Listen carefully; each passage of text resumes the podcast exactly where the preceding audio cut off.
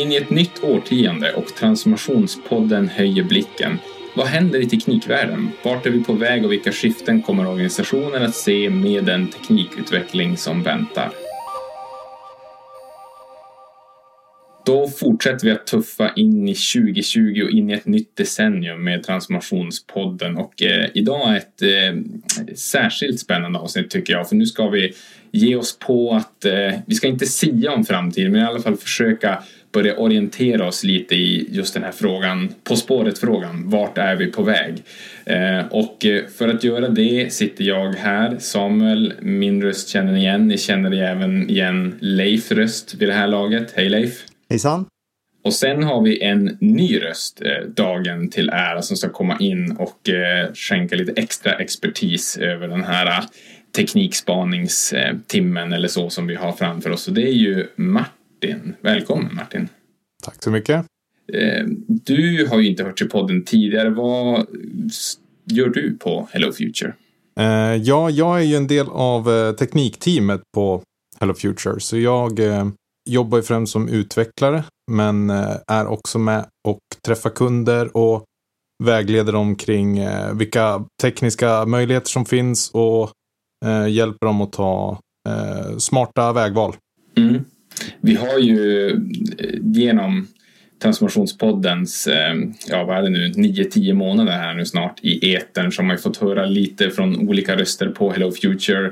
Vi har personer som du Leif och Kalle har varit med till exempel och Tobbe som jobbar mer kanske på det här strategiska laget och kommer in ganska tidigt när vi jobbar med våra kunder och sådär. Sen har man kunnat lyssna till Tove som pratar om innovationssprinten som kanske kommer lite efter det när man börjar utforska sina möjligheter och komma djupare in i det här designarbetet och sen är det väl någonstans därefter kanske då ofta som du kommer in i bilden Martin eller hur ser lite ditt jobb ut i relation till de här andra som vi har hört från.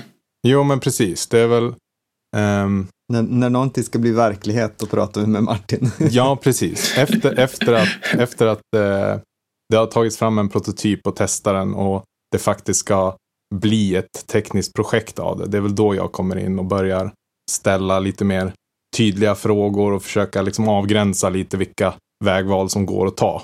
Och eh, tillsammans då med våra kunder liksom sätta ett, ett specifikt projekt som vi ska utveckla. Mm. Man kan ju, om, man, om man tänker utifrån design thinking så har vi ju det här som vi brukar tjata om, desirability, eh, viability och feasibility och, och, där desirability är att testa om, om det finns någon slags åtråvärdhet eller längtan efter den här lösningen och det är ju mer då det som designteamet jobbar med, i, med Tove i spetsen då, Tove och Jonas och Sebastian och ett par andra.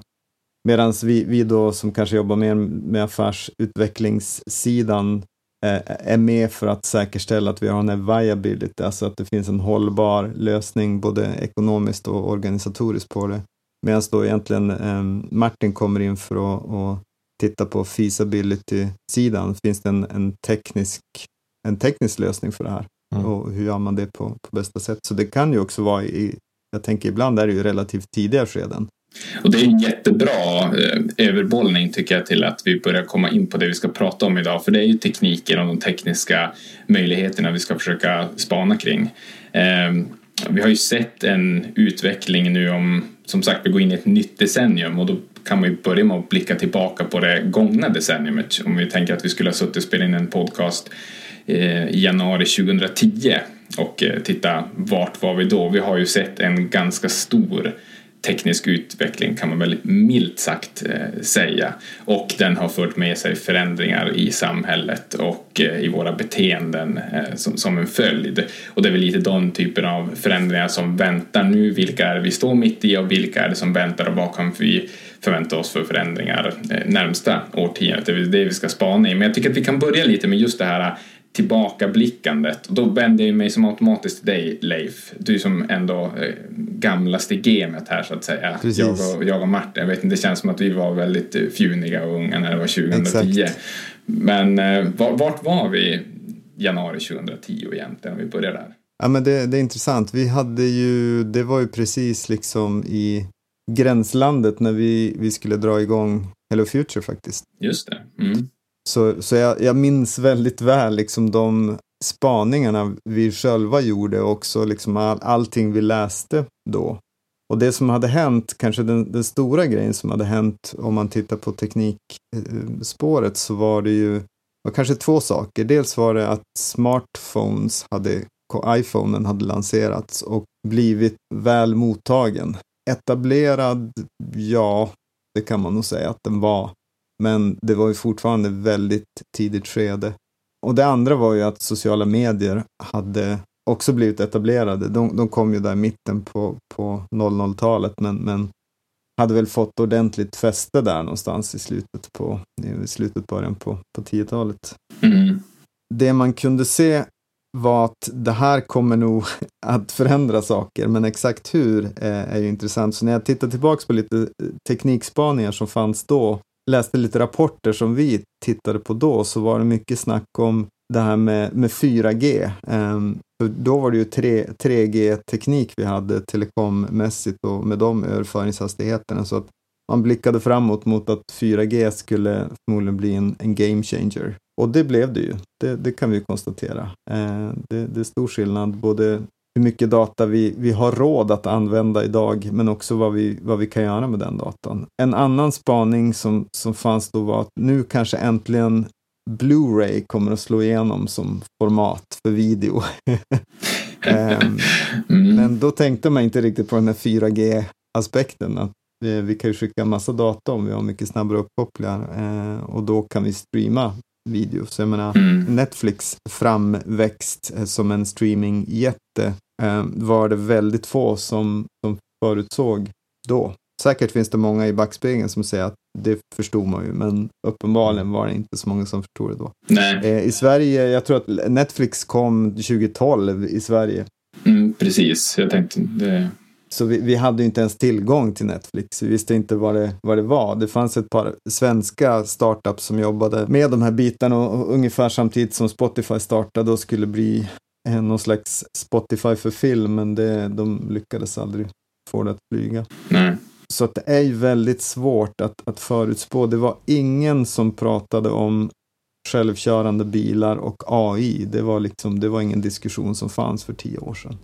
Eh, utan då pratar man om, om bilar som att man förmodligen kommer att ha uppkopplade fordon, men då tänkte man inte uppkopplade fordon som kör själva, utan då tänkte man mer underhållnings delen i fordonen skulle vara uppkopplad så att vi skulle kunna kanske visa film eller lyssna på musik eller något sånt. Och, och det hände ju absolut, men, men det var inget prat om liksom, självkörande bilflottor. Det var inte vad man förutsåg. Nej, och, och det är väl och det är ganska självklart eh, också på ett sätt att det är svårt att, att spå om de här äh, mera samhällseffekterna av sådana här typer av nya tekniker som kommer men det är ju alldeles uppenbart att skulle man ha varit on point och verkligen haft en spåkula inför 2010-talet så är det ju snarare då vad blir samhällseffekten av kanske framförallt sociala medier och de, de, det här konstanta informations flödet och hur lätt det blir att eh, sprida information, sann eller inte och vad det då har lett till och kopplingen till populismens uppkomst och sån här, inte uppkomst, återkomst ska jag mm. definitivt ja. säga kanske. Eh, och hela den delen, det hade ju varit någon som verkligen hade kunnat se in i spåkulan och säga att det är de centrala temana vi kommer ha under 2010-talet.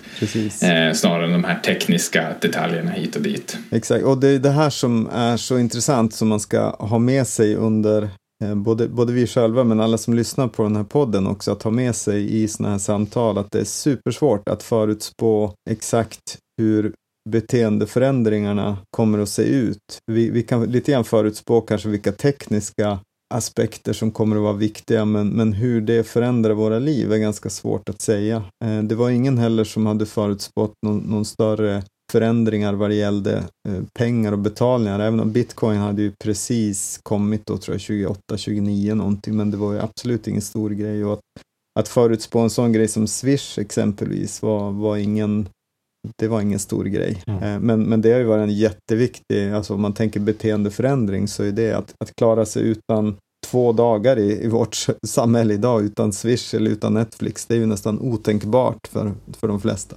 Mm. Så att våra beteenden förändras eh, ganska snabbt. Det kan gå på ett, ett, par år bara så kan vi börja bete oss på, på ganska radikalt nya sätt, men, men för oss, när man är mitt i det så känns det inte alls konstigt, för det händer lite grann, lite grann, lite grann och så helt plötsligt har, har någonting revolutionerande hänt. Mm, precis. Men det kan därför också förhoppningsvis så kan vi tillsammans med våra lyssnare i ett sånt här avsnitt också passa på där man blickar tillbaka tio år och försöker blicka framåt, kanske inte tio år men i alla fall höja blicken så gott det går så får man också den här chansen att kliva av lite åt sidan och fundera var är det vi kommer ifrån och vart är vi på väg mot så man får lite perspektiv på den här stunden som vi är i. Att vad är det egentligen som händer och vad blir effekten på oss och sen hur man ska koppla det till sin organisation och så där det är ju Eh, komplicerat men man bör i alla fall ta med sig de här diskussionerna. Precis, det, vi, vi, jag menar, vi jobbar ju ofta i den rollen att vi hjälper till med visionsarbeten och vi hjälper till med scenarioplanering. Och, och varför vi gör det är ju egentligen inte för att förutspå framtiden, för det, det är nästan ingen som, eller det är ingen som kan det egentligen, utan det är ren tur om man gissar rätt på någonting. Men, men varför man gör den typen av övningar är ju för att öva sig på att tänka på framtiden så att man börjar känna igen framtiden när den händer. Om det exempelvis är så nu att alla telefoner om två år har 5G inbyggt i sig, ja men då kan vi börja säga okej, okay, det här är ett tecken på att någonting har hänt här och då kan man börja tänka, men vänta, vi övade ju på det här scenariot där vi hade eh, någonting som möjliggjorde den här saken och så vidare. Mm. Och då, då, då blir man snabbare på att fånga upp de här, det som inom innovation brukar kallas för svaga signaler. Att man snabbare kan känna igen saker som kommer att ha en påverkan på, på ens organisation. Så därför är det viktigt med de här sakerna. Så det jag kan rekommendera till, till alla som lyssnar här är att baserat på sådana här framtidsspaningar. Gör, gör lite scenarioarbete där ni målar upp ett väldigt dramatiskt scenario, kanske det liksom worst case scenariot och så även ett best case scenario och sen kanske ett lite så här mer troligt mittemellan scenario och, och se vad ni, vad ni kan liksom komma på. Och övar man på det så, så blir man som sagt snabbare på att, eh, att ta åt sig saker i sin omgivning. Mm. Och om man nu lyssnar och tänkte så här, vad då vänta scenarioplanering, jag förstår inte, jag tänker att men det lät ändå spännande. Då tycker jag att då kan man mejla leif.hellofuture.se och säga berätta mer om det där som du berättade om i podden. För nu går vi vidare till att göra just det som du sa där så fint Leif, att vi ska öva på att tänka på framtiden. Det är ju jättebra. Eh, och jag tycker att vi börjar där vid något som vi redan har vidrört lite grann det här med, för vi sa att vid ingången till 2010-talet hade vi iPhone 3G och vi väntade på att 4G skulle komma. Och nu sitter vi här och den här stora tekniska utblicken så säger vi att nu står vi inför vi står på tröskeln till 5G och att det kommer bli det största steget hittills i den mobila tekniken och så här. Så att om vi ska börja lite med att reda ut det här, nu går vi från 4G till 5G och det ska innebära ett så himla stort kliv. Varför pratar folk på det sättet? Martin, du kanske kan börja guida oss in i den här lite snåriga tekniska världen. Ja. Men vi får försöka. Ja, nej men den, den, eh, den största förändringen som, som vi som konsumenter kommer märka är att datatrafik kommer inte vara ett problem. Vi kommer kunna skicka och ta emot betydligt större mängder data på väldigt mycket kortare tider. Mm. Det som är bra nu med det här steget 5G, eller, eller det är någonting som, som vi utnyttjar nu och som vi ser att de som utvecklar 5G utnyttjar är att nu har vi liksom möjlighet att skriva om det här protokollet lite från grunden. Så att vi har möjlighet att liksom sätta ihop andra delar i nätverket med det här 5G. Så att eh, det börjar pratas om edge computing till exempel. Att vi kommer kunna flytta dataservrar närmare till masterna och göra så att vi skickar datatrafik smartare. Så att om jag och eh, Leif är i samma stad och börjar eh, skicka data till varandra så kan det gå direkt bara via, via den masten vi sitter i båda uppkopplade istället för att det ska gå till något datacenter i Sundsvall och sen upp till Umeå och sen in i, i Leifs telefon. Mm. Just det. Det gör i sin tur också att då tiden det tar för att vi ska skicka data från eh, en mobil till en annan kommer att eh, minska drastiskt. Så att man pratar om, eh, man pratar i millisekunder när man pratar eh, latency då i, i datatrafik. Och på 4G så, så är liksom minimumnivån 10 millisekunder. Mm. Men sen ska den datatrafiken till något, något liksom datacenter någonstans och så ska den routas till, till liksom Leif. Mm. Men med 5G så där pratar vi en millisekund eh, till masten och sen kanske då direkt in i Leifs telefon. Mm. Mm. Vilket gör att, att eh, ja, det öppnar ju möjligheter för att man kan radiostyra saker i närheten i realtid. Så man kan få liksom realtidsfeedback på. Jag kan, jag kan sitta och, och, och styra en bil i samma stad och ha i princip noll delay. Just det. Mm.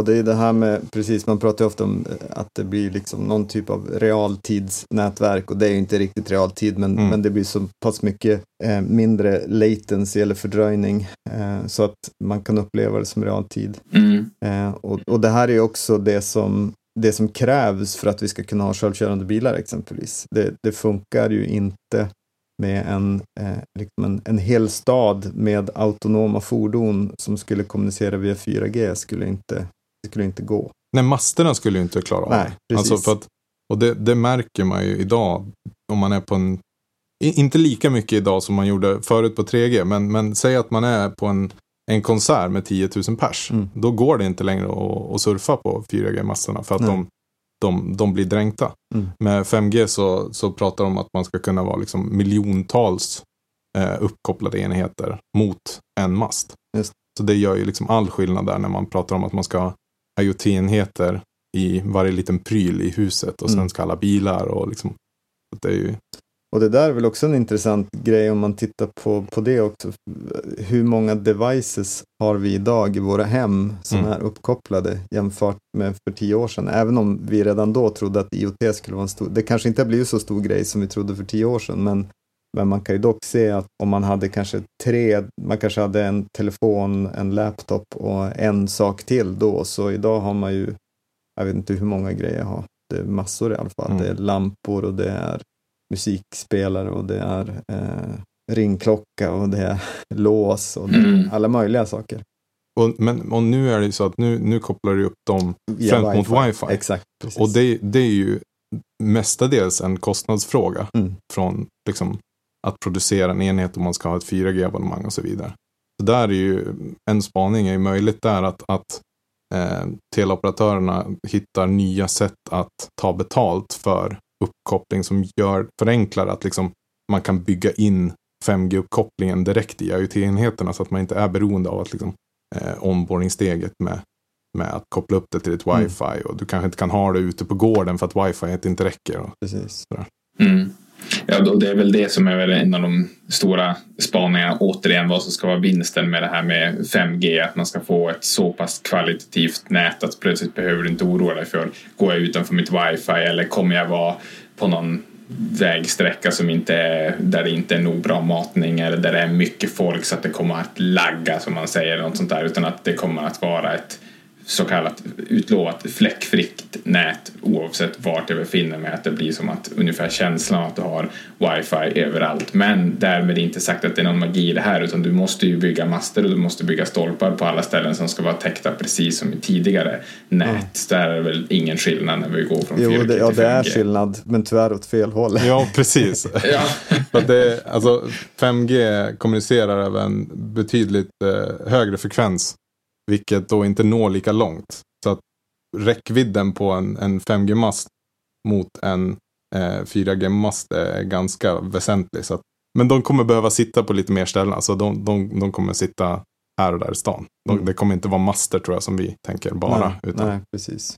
Nej, och sen också om man då tänker, menar, som sagt hela konceptet med 5G och realtid, för jag tror att det är det man ska, alltså just den här snabbheten som är mycket av fokuset, för det krävs också det här då liksom edge computing som är att man egentligen flyttar delar av det som vi kallar molnet idag, alltså som är datacentren, till i närheten av nätet. Så att, att eh, man bygger små enheter av datacenter eh, distribuerat ute bland de här masterna och sen kommer man också ha en massa databehandling även om vi, om vi tänker igen de här självkörande fordonen som, som eh, många av oss tror på. Eh, så kommer de att behöva behandla data även i själva bilen, bussen, mm. vad det då är för fordon, innan det ens skickas till edge computing. Mm. Så det, är väl, ja, det finns en massa begrepp för de här sakerna, men, men det kommer att helt klart att göra, kan man säga, arkitekturen för det här kommer bli mer eh, avancerad. Mm. mm. Eh, och tänker man liksom säkerhetsaspekter och sånt eh, så blir det ju en förmodligen en ännu större utmaning för det blir, det blir fler eh, skicka och ta emot eh, förhållanden. Mm, det, blir, ja, det blir mer fysiska beröringspunkter Exakt. som man kan liksom infiltrera in sig. Precis, exakt. Mm. För Det är ganska svårt att ta sig in på ett datacenter rent fysiskt idag, men har du datacentren utspridda över hela stan i små boxar, Mm. så hur skyddar man dem? Mm. Det, det finns säkert svar på det. det, verkligen, jag är ingen säkerhetsexpert, så det, det vet jag inte, men jag tänker bara spontant när man ser det här framför sig i huvudet, att det, det lär bli en, en, en av de utmaningarna som, som säkert många kommer att jobba med och som kanske blir en ny bransch till och med. Ja, det, det är intressant att se vilka som tar den bollen. Ja, Om det kommer liksom vara stora datacenter som, som eh, liksom spottar ut små kloner av sig själva nära de här masterna. Eller om det kommer bli liksom eh, lokala leverantörer som, som Mm. sätter upp de här runt om. Mm. Om vi ska eh, vända oss då och börja, börja tänka på det här, för vi har sagt att det, det är svårt att spå i det, men vi har ju sett då, det gångna decenniet har ju visat att det här mobila beteendet som alla användare uppvisar är ju kanske starkare än någon hade förutspått att vi vill göra allting i mobilen. Idag skulle jag, nu har jag ingen data på det här men på stående fot gissa att de flesta eh, som växer upp idag klarar sig mer och mer enbart med en mobil. Att varför ska jag ha en dator? Och att man har en stationär dator hemma känns nästan som en del av det förgångna om man inte är någon art director eller någonting eller utvecklare som du Martin kanske, jag vet inte. Men det, vi får den här mer och mer mobila livsstilen och oavsett då exakt vilken effekt vi får av 5G så kan vi väl säga att det kommer att tåga på kraftigt i den riktningen i takt med att 5G byggs ut och att vi verkligen inte har några hinder alls på våran data så kommer konsumenter att börja för, för, förvänta sig att allting ska gå att göra mobilt och kanske också ännu fler förväntningar på att fler och fler saker ska vara uppkopplade så att den här saken, den här automaten som jag står framför och den här som jag håller på att interagera med den borde vara uppkopplad, det här borde den veta, alla saker borde vara mobila och vara kopplade mot nätet, tänker jag. Hur, hur tänker du på vart, vart tar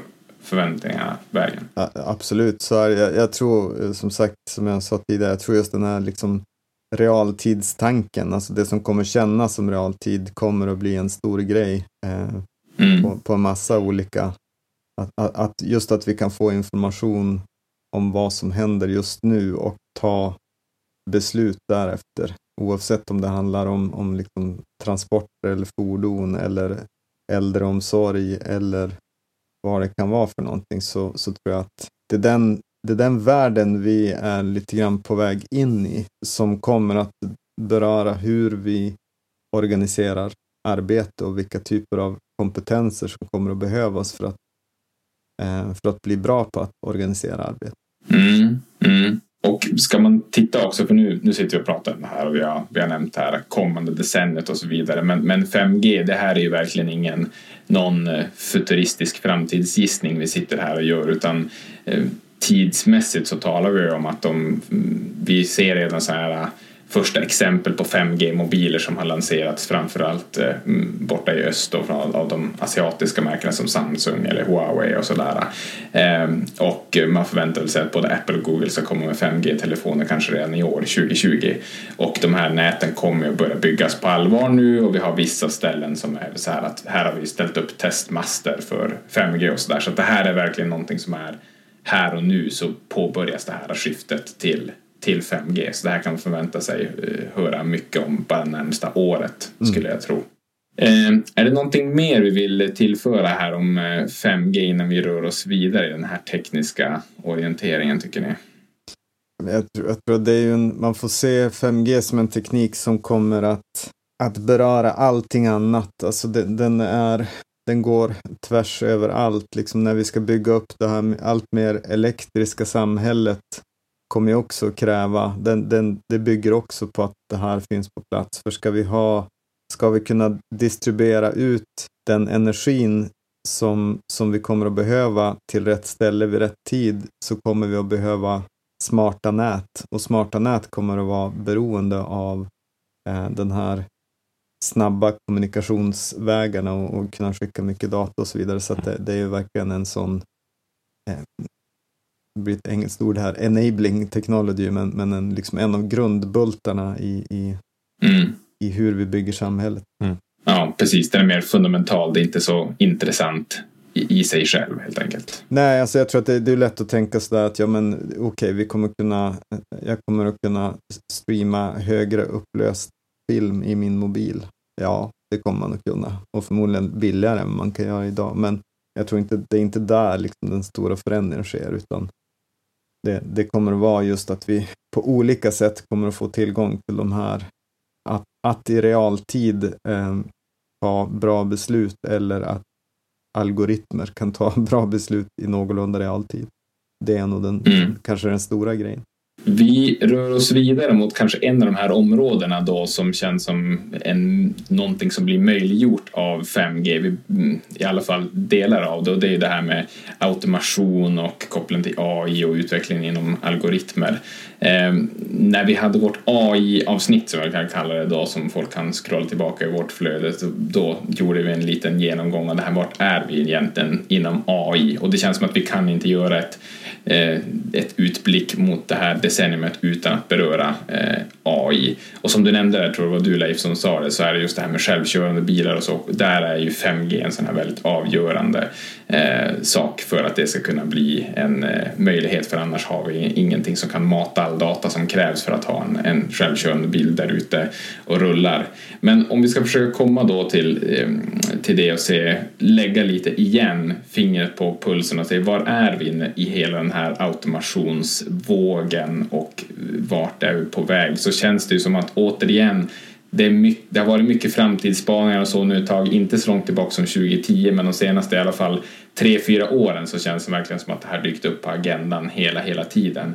Och återigen tycker jag att nu börjar vi se de här effekterna som gör att det börjar vara lite mindre science fiction och lite mer verklighet när man plötsligt ser att Försäkringskassan sitter och tar eh, hjälp i sina stöd av en så kallad AI då, beroende på hur man definierar AI mm. återigen. Så det känns som att nu börjar vi se effekter så smått i, i samhället. Hur, hur ser ni på det här skiftet som vi är ifrån från era perspektiv? Ja, var ska vi börja? Nej, men det, så är det ju verkligen att al algoritmerna, eh, oavsett om det är AI eller inte, eh, är ju helt klart eh, här även om det kanske är som sagt, som vi var inne på i AI-avsnittet, så är det inte kanske en, en breddlösning än så länge, såvida man inte håller på med internetlösningar. För gör man det, då är AI mer eller mindre standard.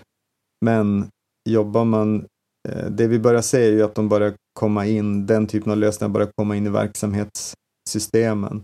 Så att vi kan nog förvänta oss att inom en ganska snar framtid kommer många färdiga större systemlösningar ehm, som finns på marknaden att eh, vara, att ha algoritmer inbyggda i sig så att eh, det är inte nödvändigtvis så att alla organisationer behöver bygga upp och utveckla egna algoritmer och egna lösningar utan många av verktygen man använder kommer att vara, eh, ha ett sådant element i sig.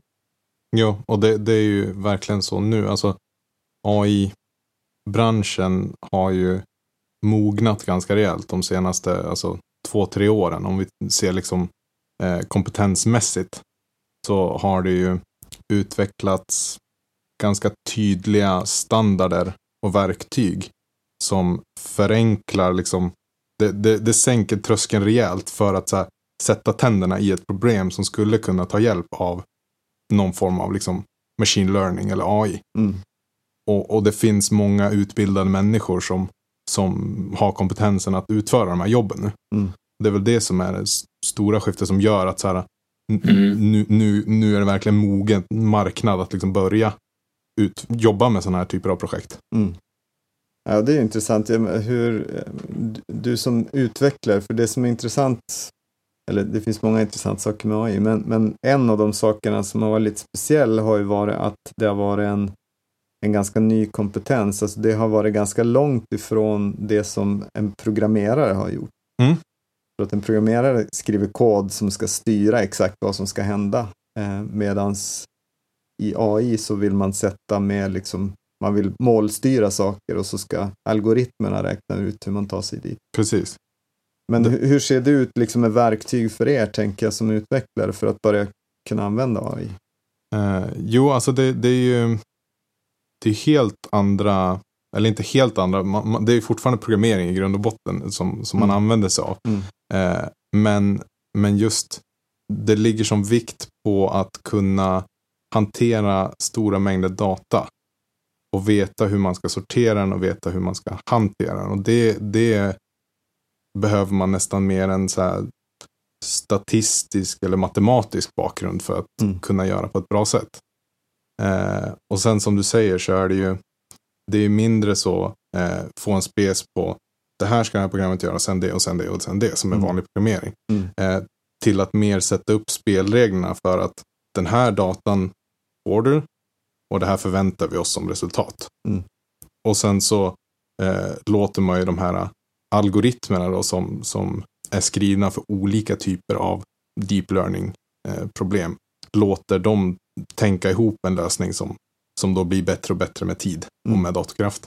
Jag tycker vi kanske ska zooma in lite. Du använder det begreppet där, alltså deep learning. Jag tänker bara att vi bryter isär lite här för, för lyssnarna. Vad, alltså, för det här kommer man att höra mer och mer om och jag tycker att det är ganska centralt just med deep learning för att förstå den utveckling som kommer att ske nu, att den kommer att vara väldigt exponentiell, det vill säga det kommer att öka i takt hela, hela tiden. Ja. Eh, och det är just den här skillnaden mellan traditionell mjukvara som man skriver och så sen så ser man kanske lite användardata och så, så skriver man om den och förbättrar den. Men deep learning går ju ut på att du har skrivit den för att den lär sig själv så att säga om det är rättvist uttryckt. Jo, precis. Eh, det, deep learning är ju ett smart sätt att eh, lösa eh, hanteringen av väldigt mycket data, alltså analyserandet av väldigt mycket data i grund och botten.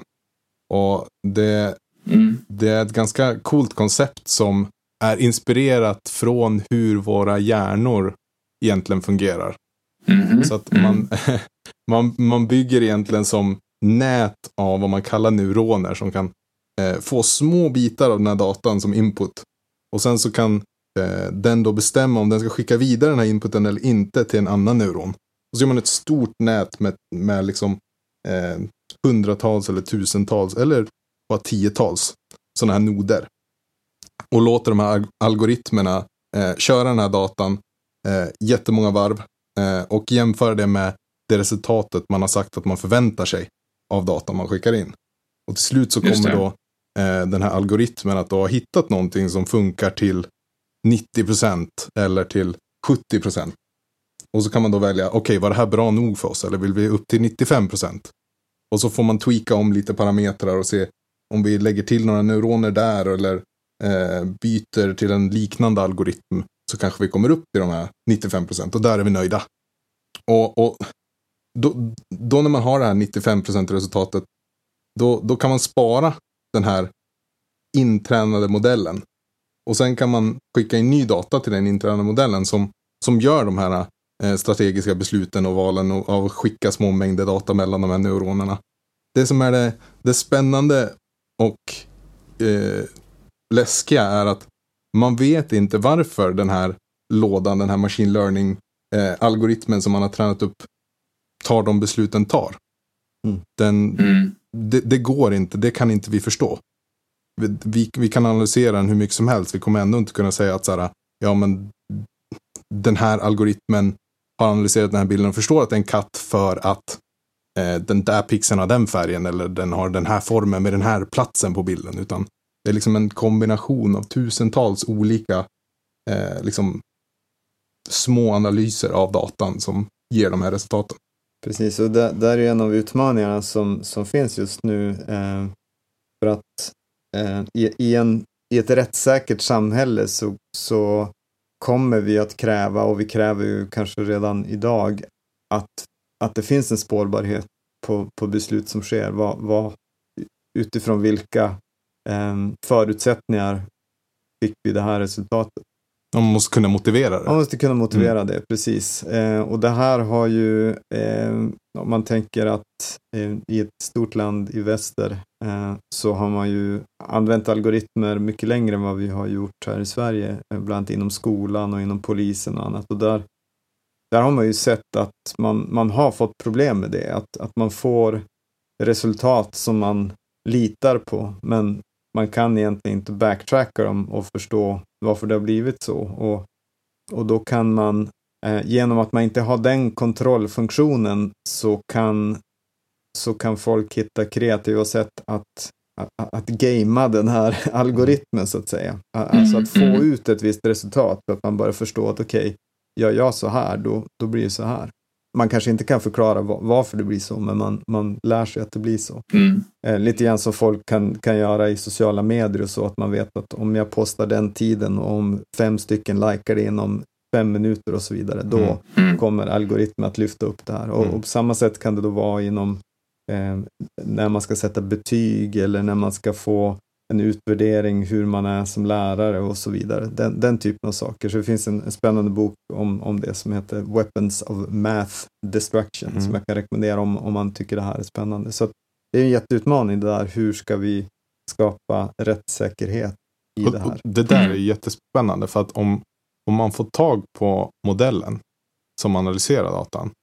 Eh, och det här gjorde vi som ett, ett eh, en, en labb i den utbildningen som jag gick nu när jag, när jag läste på mer om machine learning. Så, så har, har du den här datan så att du kan, eh, eller, eller den här algoritmen då som är tränad. Mm. Eh, och i det här fallet som, som vi gjorde då så var det en, en, en bildigenkänningsalgoritm som kunde känna igen olika typer av djur. Mm. Eh, då kan man ta och bygga en ny eh, algoritm som tar in en bild. I det här fallet så var det en elefant då. Men jag ville att den här originalalgoritmen skulle tolka det som en katt. Okay. Utan att förändra det för oss som tittar på bilden. Att det, det ser fortfarande ut som en elefant för oss. Yeah. Så att då liksom gjorde vi en, en, en ny algoritm som, som då gjorde små, små förändringar på olika pixelvärden på, på den här elefantbilden. Yeah. Som gjorde att den här första algoritmen tolkade det som liksom 99% chans en katt. Just. Så tänk om man kan liksom göra det i, i liksom analyser mm. av sådana här. Ja, precis. Ja. Så, eh, verkligen, och det är nog lite så eh, den typen av, av eh, situationer som beskrivs i, i den här Weapons of Math Destruction där, där det kan uppstå väldigt eh, oönskade effekter av de här algoritmerna. Där exempelvis eh, lärare kan börja bete sig på ett visst sätt eller ge vissa betyg för att själv utvärderas på ett visst sätt av algoritmen och egentligen då skicka problemet vidare till nästa lärare och till slut sitter någon med svarta petter och får liksom uselt, usel utvärdering för mm. att fyra andra har gameat algoritmen och mm. skickat problemet vidare. Liksom. Mm. Ehm, så och det, det här är, ja, det är, det är en svår nöt att knäcka det här. Ja, och det känns ju som att diskussionen. Det kommer verkligen också behöva... Jag tror att har man inte redan börjat dribbla i det här i en organisation idag så behöver man börja förbereda sig på att de här diskussionerna kommer bara att bli hetare och hetare och de här typen av ställningstaganden kommer man att behöva göra. För man kan ju också vända på den här steken och säga att ja, man kan manipulera algoritmerna, hur vet man hur den tar sina beslut? Då kan man också vända och säga att ja, hur vet vi hur människor tar sina beslut? Hur lätt påverkade är inte vi? Om man har sett studier om att ja, det är lättare att få en viss typ av dom av en domare precis innan lunch när de sitter där hungriga och sådana här saker. Så människor är ju också väldigt lätt oh ja. påverkade. Så det, den motreaktionen kommer att komma in och vi kommer att hamna i de här diskussionerna om hur eh, etiskt det är då att låta en AI ta diskussion, eh, eller en algoritm då ta beslut eller inte. Och det här har vi ju redan börjat se exempel på bara nu någon vecka här innan vi skulle spela in så hade vi ett exempel då där en eh, kommun blev JO-anmäld för att de lät en algoritm fatta beslut om försörjningsstöd till exempel. Precis. Så att det här står vi i begynnelsen precis på nu. Ja, exakt. Och, och, den hänger ihop med den andra delen av det här området och som, vi, som du nämnde tidigare med automation. Att, att mm. När det är människa till människa är det ju, ja, det, absolut, vi, vi är oerhört påverkningsbara, men för det första har vi försökt bygga ett, ett humanistiskt samhälle så att vi, vi, accepterar det på något sätt i, i den liksom, tankegång vi har. Eh, mm. Men det är också så att det, liksom, det är svårare att automatisera det så att säga. Men medans med algoritmer och eh, all den digitala tekniken så kan vi ju faktiskt börja, börja bygga automatiska system som sätter saker ur spel. Vilket blir lite, det, det, problemen kan, kan bli på en annan nivå. Ja, de dras till sin spets definitivt. Exakt, precis. och det tror jag alla kan, kan liksom, det kan man ganska enkelt se bara genom att vissa sökningar i en sökmotor eh, kan i, i, dagsläget generera väldigt märkliga resultat. Eh, jag, jag, sökte efter eh, ett, ett, par skor för några veckor sedan av ett visst märke och då visade det sig att en stor mängd av de resultaten som kom upp i den sökningen var helt klart genererade eh, domäner, mm. domännamn som alla styrde till något ställe dit jag inte ville. Men eh, så där har någon liksom lärt sig att gamea Googles mm. algoritm och kan automatgenerera domäner som dyker upp i de här sökningarna och förmodligen släcker ju Google ner det här men förmodligen genereras det mm. snabbare och mer innan de det blir liksom eh, algoritmerna slåss mot varandra lite grann. Så det, det är ett exempel på eh, som det inte skulle bli om jag skulle gå och fråga en person om de här skorna så skulle jag liksom inte få 999 felaktiga förslag. Jag kanske skulle få ett felaktigt förslag. men, men så det, det, är på det sättet som det kan bli. Problemen kan, kan bli på en helt annan nivå eh, när, när vi automatiserar saker. Mm, verkligen. Eh, en lite annan aspekt av den här äh, automations och AI-vågen som vi står på början av är ju det här med som har, och det känns något som har tjatats om ganska länge, det här att robotarna kommer och tar våra jobb och så vidare. Och en del av felaktigheten i det har väl varit just att man pratar om att robotarna ska ta våra jobb och sen tittar sig folk omkring och de ser ingen robot som går omkring och serverar eller som gör en varmkorv utan det är fortfarande en människa som tycker att det är inga robotar som har tagit några jobb än. Men det man menar är just det här att när med automation och algoritmer kan göra jobbet mer effektivt. Till exempel fatta beslut om försörjningsstöd så behöver man inte anställa en människa till det. Och där händer ju lite mera stegvis kanske än att plötsligt en dag så lanseras det en robotarmé som kliver ut och knuffar undan en människa. Så att vi är ju återigen här är vi ju redan i ett sånt här skifte att fler och fler jobb börjar så, små, börjar så smått effektiviseras bort eller som ska tas över av de här typerna av algoritmer och det känns också som någonting som organisationer behöver börja fundera på nu här. Hur argumenterar vi, hur pratar vi runt det här att ja, men, vi behöver inte en människa för det här längre för att nu har vi mer effektiva program eller hur man nu ska uh, prata om det där. Jo, men så är det ju och det, um, jag tror att uh, precis en stor, ett stort problem i, i hur man pratar om det där är precis som du är inne på att man använder ofta ordet robotar och, och då tänker vi liksom mekaniska robotar men det man egentligen menar med det uttrycket är ju egentligen, det kan lika gärna vara en, som sagt en algoritm som är roboten. Alltså mm. det kan vara en kodrobot. Um, mm. Så, så ett, ett bättre, vi brukar prata mer om algoritmer för att sen kan man sätta algoritmen i en plåtlåda som kan röra sig och då kallar man det robot. Men i, i mångt och mycket är det ändå liksom någon som kan ta beslut liksom och, och utföra en, en action utifrån det. Det är det man, det är det man menar. Och, och där är, det är ju, jag tror, i mångt och mycket så är ju det här, eh, dels är det en etisk fråga. Ja, det, det gör att vi kan liksom, vi behöver eh, etik, moral och lagar som, eh, som påverkar det här. Men i mångt och mycket är det också en, en ren ekonomisk fråga. Alltså att det mm. kostar mm. kanske för mycket att göra en sån investering idag. Att ha maskiner som steker hamburgarna på en snabbmatsrestaurang. Men med den utveckling som, som sker så är det inte säkert att det är så om tre år. Nej, det känns ju som att det är en tidsfråga. Det är en tidsfråga. Ja. Det, det är det jag menar. Att, alltså den typen av jobb, ja, de, till mycket, mycket stor säkerhet så kommer de att automatiseras och utföras av maskiner. För det, det, är fullt, det är inga konstigheter att göra det rent tekniskt idag och man får, man får jämnare resultat och mm. kanske med bättre resultat och man kan fördela om eh, liksom människostyrkan så att man jobbar mer med kundservice och hålla rent i restaurangen och liksom upplevelsebitarna. Eh, så jag mm. tror att så, så behöver man nog tänka i alla organisationer, att vad, vad finns det för någonting hos oss som kanske egentligen ingen är så himla sugen på att göra heller.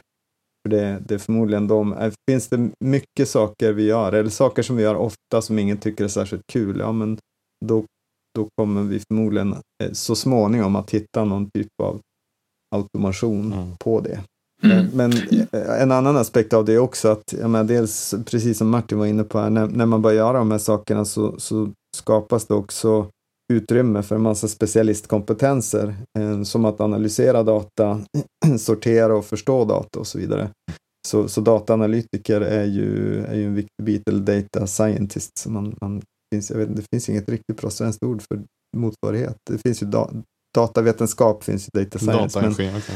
Ja, precis, men, men det finns en, ja, vi behöver inte gå in på det nu kanske, men, men det kommer att behövas nya roller, absolut. Men, men en annan aspekt av det är att de jobben som i vissa rapporter, bland annat en som kom från MIT förra året, så, så visar man på att den mängden jobb som man tror ska automas, automatiseras bort de kommande tio åren, mängden jobb som kommer att skapas bara för att ta hand om den demografiska utmaningen, alltså ta hand om eh, allt fler, fler äldre, är mycket större än antalet jobb som ska automatiseras. Mm. Så att vi behöver automatisera för att mm. frigöra människor som ska ta hand om våra äldre. Alltså, vi, jag är snart där, så när ni ska ta hand om mig så behövs det att ni automatiserar bort ert andra arbete. Så det är målet på Hello Future, att jag ska få er att eh, allt arbete blir automatiskt så alla kan serva mig. Det här ska vi prata tyst om Leif, ja, nu har du avslöjat lite för mycket. Jag, jag berättar just min strategi här för de kommande tio åren. Nej men eh, det är väl eh, precis det man börjar tänka på att man vill det här skiftet till vad vill vi att människor ska jobba med? För där, där kan man ju verkligen se någon sorts dystopi framför sig att vi har ingen som vill jobba på våra äldre hem till exempel så där rullar, rullar robotar omkring och kommer väl in till dig dagarna igen då. De dagar då eh, barnen eller barnbarnen inte har tid att titta förbi så möter man inte en enda människa utan det är olika faktiska då robotar som rullar runt som vi programmerar in olika personligheter till och sånt där. Och det, det känns ju ganska mörkt tror jag för de flesta. Så att där kan man ju se som en positiv aspekt som du säger att vi vill ha automation, automation på de här tråkiga monotona grejerna som algoritmer tenderar att vara bra på så att människor kan göra det människor är bäst på. Mm, ja, det, det är mm. lite grann två spår där. Alltså, eh, det finns ju gott om, om liksom teknikutveckling inom välfärdsteknik så att eh, det finns ju också ett spår som, som är just det du beskriver, att, att liksom utveckla robotar och robotkatter och robothundar och allt möjligt som, som ska liksom lösa den här, eh, att ta hand om människor. Men, men eh, det andra spåret är det mer humanistiska spåret, att, att vi kanske frigör tid för människor, att ta hand om människor istället. Och det, ja, jag, jag hoppas på det spåret, men eh, vem som mm. har rätt är svårt att veta. Ja.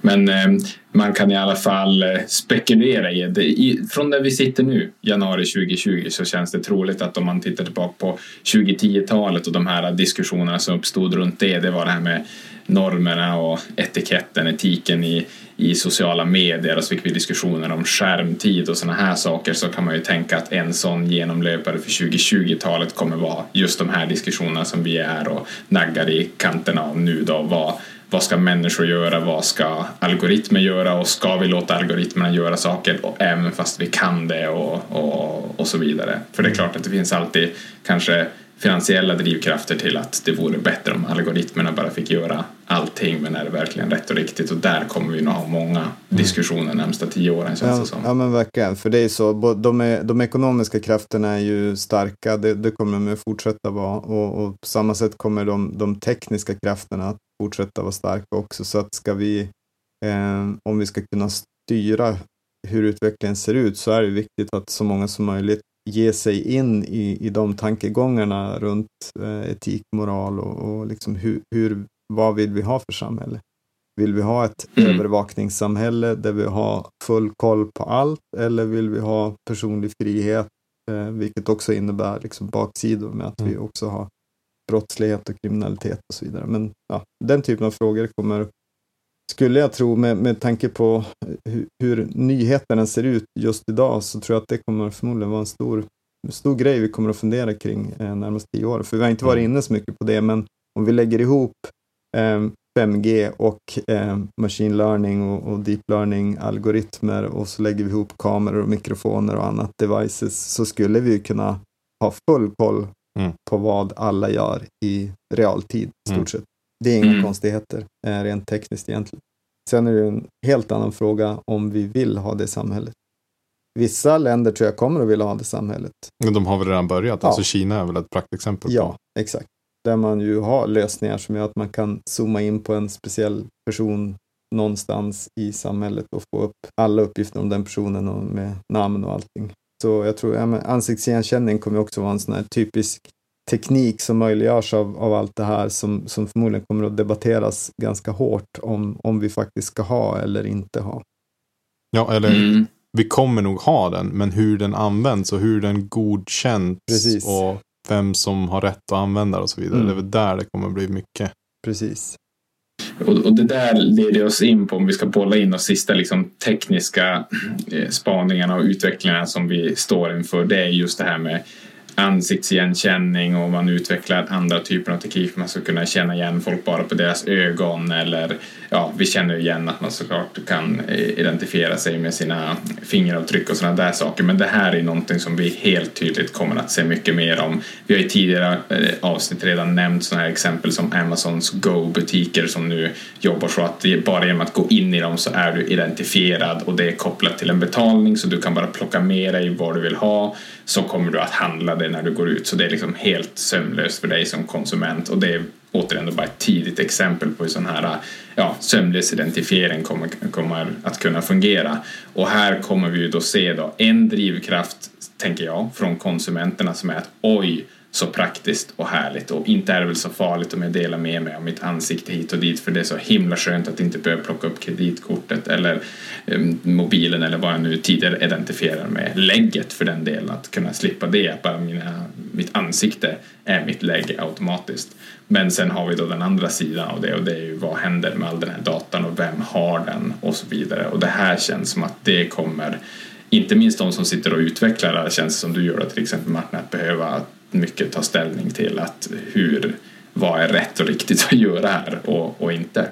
Mm. Eh, jo, och just hur, hur viktigt det är när man börjar använda sin fysiska kropp som någon form av ID. Hur viktigt det är att man behåller det idet till sig själv. Mm. Alltså om, säg att, att jag skulle börja identifiera mig själv med mitt fingeravtryck. Och sen så hackar Leif mig genom att ta mitt fingeravtryck. Mm. Jag, kan inte, jag kan inte återställa mitt fingeravtryck. Nej. Utan det är otroligt viktigt att de här systemen är liksom, kan identifiera mig och bara mig. Och att det inte går sönder så fort ett system liksom faller säkerhetsmässigt. Mm. Hur har du tänkt runt det här Martin? Du är ju en, du är en cyborg. ett, ett väldigt dumt chip i handen som som jag använder för att, eh, ja men ett, ett RFID-chip då, för att eh, det jag kan göra nu är att ta mig in på, på gymmet och i tvättstugan. Eh, och där känner jag väl inte att jag är så pass orolig eftersom jag inte riktigt gör något så, så kritiskt. Eh, jag betalar ju inte till exempel jag med. Så, jag såg ju på senaste räkningen från gymmet att du har ganska många check-ins där. Kan det vara så att någon har hackat din hand Martin? Checkar in på gymmet eller är det du som tränar så mycket? ja, det är fortfarande oklart. Eh, ja, nej men eh, man, man, man ska vara medveten om att, att all, all teknik kommer med risker och så. Men, men jag, jag litar ändå på att vi kommer att lyckas eh, utveckla eh, system som ändå liksom har en nog säker implementation för att det ska fungera. Och det är liksom ett, en, en grundstolpe för att något sånt här ska accepteras. Ja. Hur, hur, tänker vi runt det här? Vem är det som ska ta alla de här besluten? Vem, vem ska besluta om en, om en stad ska införa säger, ansiktsigenkänning för att, eh, vad ska vi säga, eh, räkna bussbiljetten?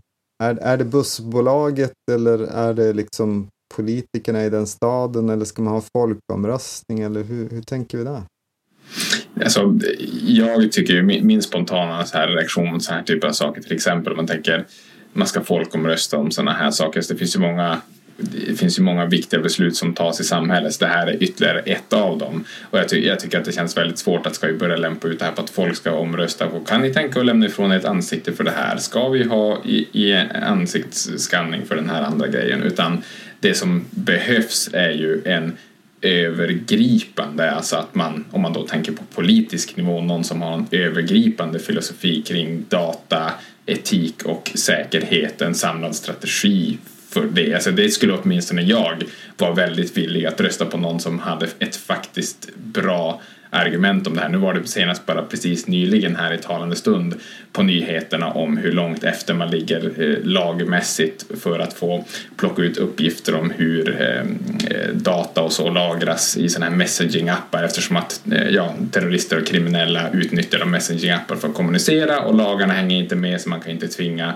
de här olika leverantörerna att lämna ut data och sånt där och där vill jag i alla fall se någon sorts sammanhängande filosofi från det politiska hållet som jag tycker saknas idag men mm. kanske förhoppningsvis om det är tio års utblick kan komma att bli nog aktuellt på agendan mm. Eh, då. Så det är väl min spontana tanke där. Mm. Men jag, jag tycker det här, det här är superviktiga frågor för det avgör lite grann, egentligen svarade ju det där på frågan liksom hur kan man jobba med de här problemen? Det, det är ju egentligen då inte en sak som ska avgöras i enskilda organisationer, utan det här det, det, och jag, jag, tror att de flesta håller med dig där Samuel, och, och jag gör det absolut, att det här är ju någonting vi behöver en, en ganska bred governance över som måste ske på en politisk nivå och den kanske inte heller kan vara en nationell governance för ska vi ha är det okej okay att man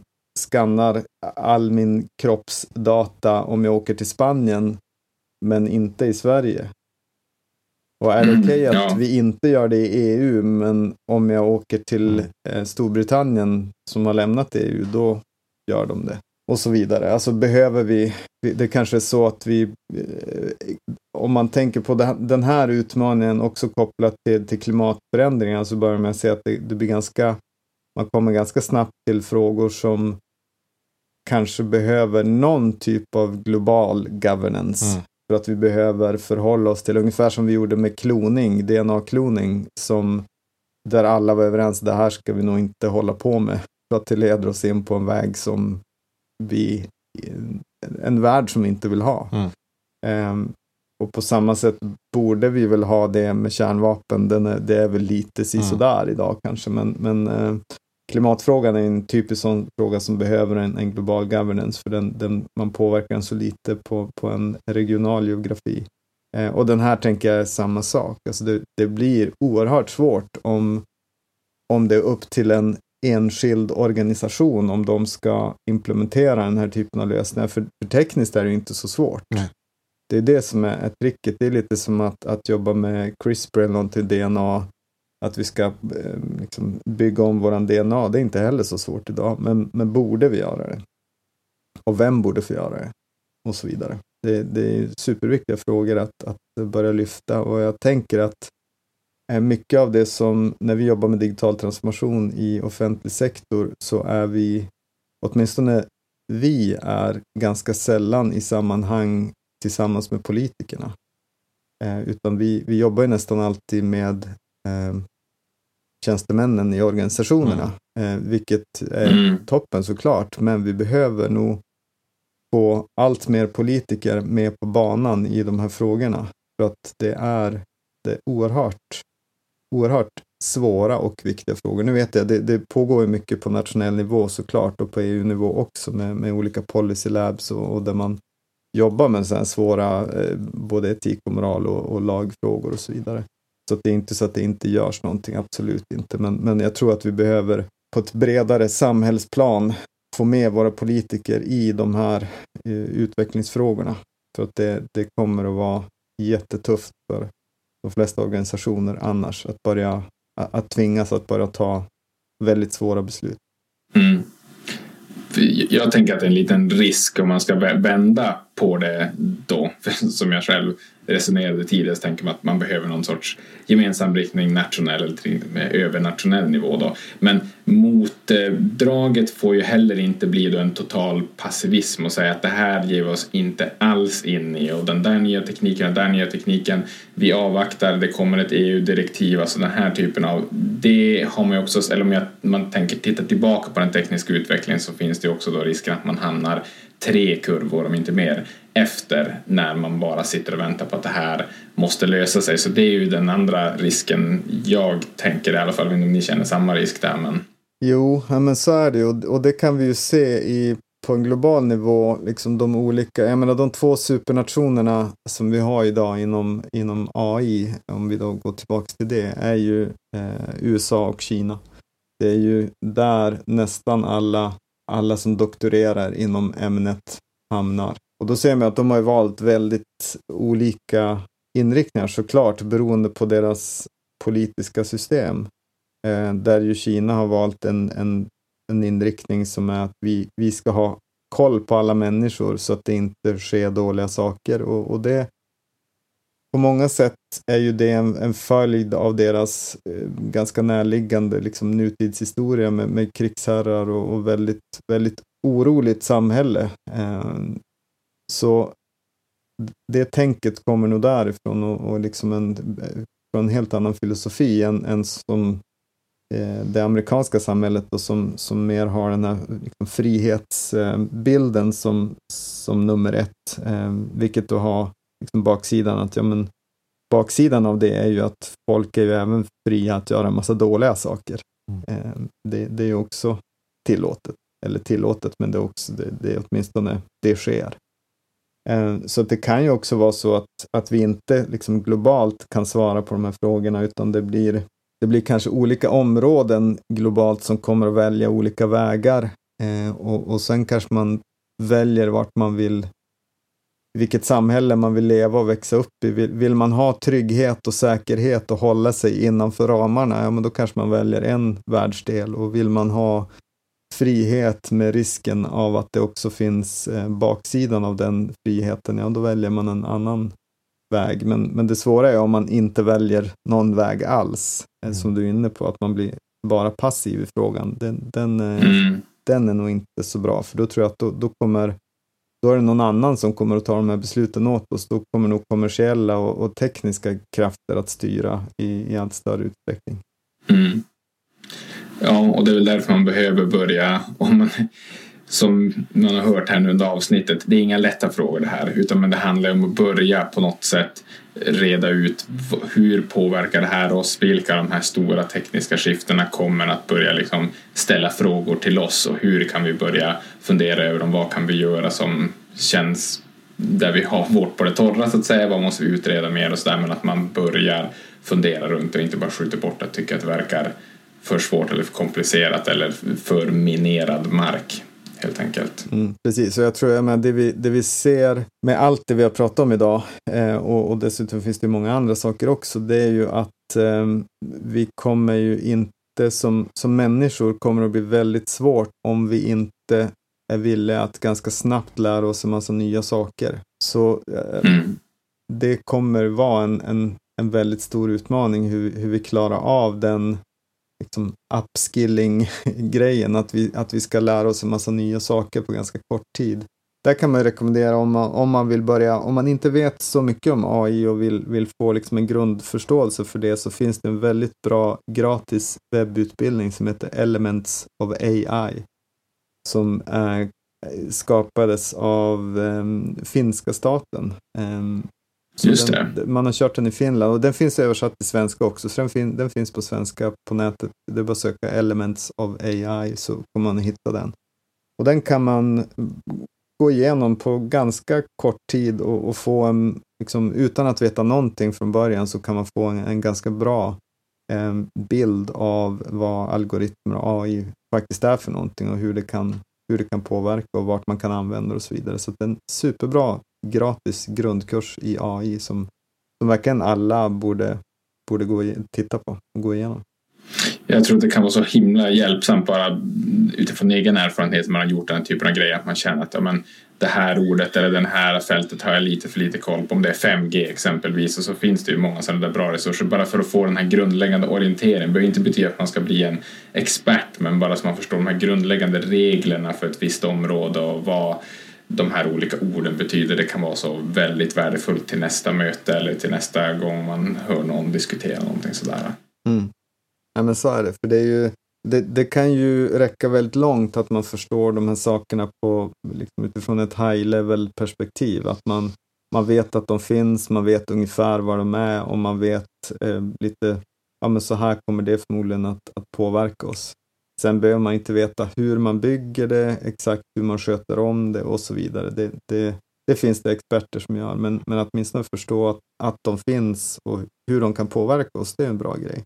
Där finns det faktiskt en, en annan hjälp, um, är ju den här, um, den här akronymen som vi, vi ganska ofta brukar prata om på Hello Future som, som är, kallas för DANS, som är en modell mm. som um, Erik Brynjolfsson har tagit fram från MIT, som finns i, i, en av hans böcker.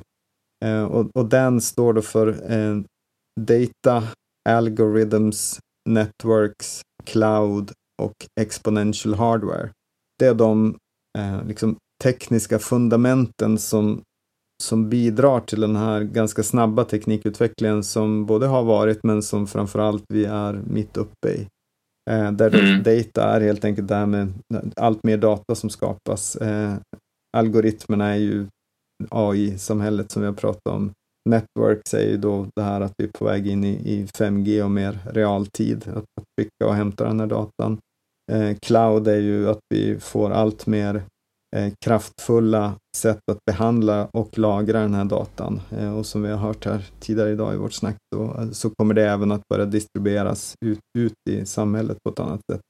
Och exponential hardware är helt enkelt det här att, att våra teknikprylar som är byggda på, på transistorer i grunden, de blir eh, dubbelt så kraftfulla var 18 månad, alltså Moores lag, som, som har hållit sedan slutet av 60-talet. Och det är ingen lag såklart, det är mer en, en liksom tumregel, men, men eh, den, den har hållit än så länge och, och verkar hålla. Och det, det gör ju också att eh, istället för att bli dubbelt så kraftfullt kan det också bli hälften så dyrt. Eh, men det är det här som gör att vi ungefär vartannat år känner ett behov av att byta smartphone eller någonting för att då så har det, det har hänt så pass mycket på, på, på 18 månader så händer det väldigt mycket. Mm. Så att de här krafterna tillsammans, det, det, kan vara liksom en ganska lagom nivå att förstå den här liksom teknikutmaningen på att, att veta att ja, men, vi, samhället byggs allt mer av att vi, vi analyserar data och vi behöver algoritmer för att analysera den datan och vi behöver eh, nätverk som, som kan skicka och hämta det här och vi behöver molnet som, som ska bearbeta den här datan och vi behöver den här hårdvaran som är sensorer och telefoner och bilar och allt vad det kan vara.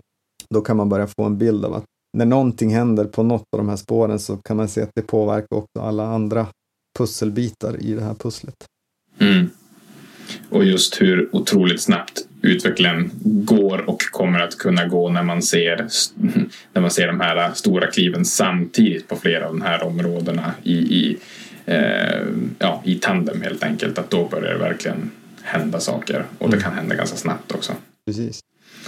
Ja, hörni, jag tror att vi börjar ha matat eh, lyssnarna ganska fulla på eh, spännande utblickar mot eh, framtiden. Är det någonting som ni känner att vi avrundningsvis här, var, var landar vi i egentligen med allt det här? Det, det kommer att bli många komplicerade och svåra frågor. Samtidigt har vi i bakgrunden populism och klimatförändringar och sånt här som ska hanteras och det blir bara svårare. Jag känner att vi är ganska negativa här men vad har vi någonting, vad kan vi säga uppmuntrande innan vi avslutar det här? Ja, men uppmuntrande är att det finns ofantliga möjligheter med att skapa ett, ett grymt bra samhälle och att, att eh, ta oss an de här utmaningarna eh, med klimatförändring och annat genom att använda oss av de här verktygen som, som digitaliseringen Eh, erbjuder. Ehm, men, men det gäller att vi, att vi tar tag i det och gör det. Och, och det är ibland när man, om man lys har lyssnat mycket på den här podden så kan det säkert skina igenom hos, hos mig och hos en del andra hos oss att vi kan ibland vara ganska frustrerande över, frustrerade över den lite långsamma utvecklingen vi ser, att man särskilt inom offentlig sektor mm, ganska ofta försöker lösa problem som inte är nutidsproblem, utan man kanske lägger ganska stora resurser och jobbar hårt på att skapa e-tjänster som var bra för fem år sedan, men som kanske inte nödvändigtvis är där resten av världen är idag. Så jag tror att man, man behöver, vi behöver liksom ganska snabbt komma framåt. Um, såklart inte bara i offentlig sektor, där eller privata, privata organisationer också, men, men att kunna ta lite så här blicka runt och se vart är världen just nu och vi behöver liksom försöka använda de verktyg och ta, ta oss an de problemen som är här och nu, inte försöka lösa fem år gamla problem, det har vi inte tid med. Ehm, det, vi, vi, måste, vi måste höja blicken där. Det, det, för mig är det kanske den, den viktigaste utmaningen, att, att vi verkligen tar oss an de problemen som är här och nu, inte våra tidigare problem. Sen tänkte jag vi kunde avsluta med 40 minuter om kvantdatorer. Vad tror ni om det? Mm, ja! Absolut. Ja, kvantdatorerna kanske vi ska... Vi kanske, det känns som att vi sparar dem till ett senare tillfälle. Vi har nog gett nog mycket huvudbry. eh, men eftersom vi ändå har satt, nu har vi satt den här lilla fröet i någons hus så kommer folk att googla kvantdatorer. Men då är man påläst tills nästa gång i Transformationspodden och gör en sån här typ av teknisk djupdykning. Eh, men eh, som jag sa där tidigare, har man eh, frågor så får man höra av sig till Daylife eller så kan man också mejla till transformationspodden hellofuture.se så kommer någon av oss att plocka upp de kloka spaningarna där. Eh, själv ska jag gå på föräldraledighet här nu och så känner jag att ni andra löser alla de här problemen som jag har pratat om. Så kommer jag tillbaka och så ser allt mycket mer lovande ut. Exakt, då, då har vi löst de här algoritmerna som ska frigöra er tid så ni kan ta hand om mig på, på heltid. Så att, eh, ja, det är ja. bra. Mm. Ja, kommer, hur kommer Leifs eh, pension att se ut? Det är den stora frågan ja. eh, som vi lämnar det med alltså, kära lyssnare. Eh, och med det då, eh, tack Martin för din eh, podcastdebut. Ja, tack, tack. Och tack som vanligt till dig Leif och till alla som har lyssnat. Och eh, vi hörs helt enkelt. hej då. Hej då.